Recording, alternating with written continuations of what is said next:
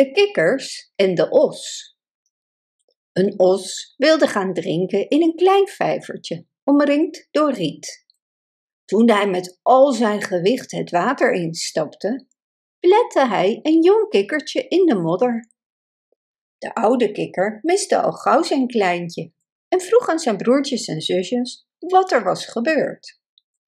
Een gigantisch monster met reusachtige voeten, zei een van hen, stapte op ons kleine broertje. Hij was groot, hè, zei de oude kikker, terwijl hij zichzelf opblies.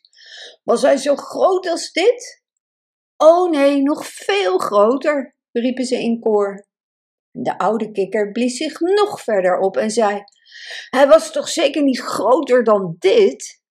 Maar alle kleine kikkers zeiden dat het monster nog veel, veel groter was. De oude kikker bleef zichzelf opblazen en werd groter en groter, totdat hij zichzelf te ver had opgeblazen en uiteenspatte. Bedankt voor het luisteren. Wist je dat je dit verhaal ook op onze website ridiro.com/nl kunt lezen, downloaden en printen?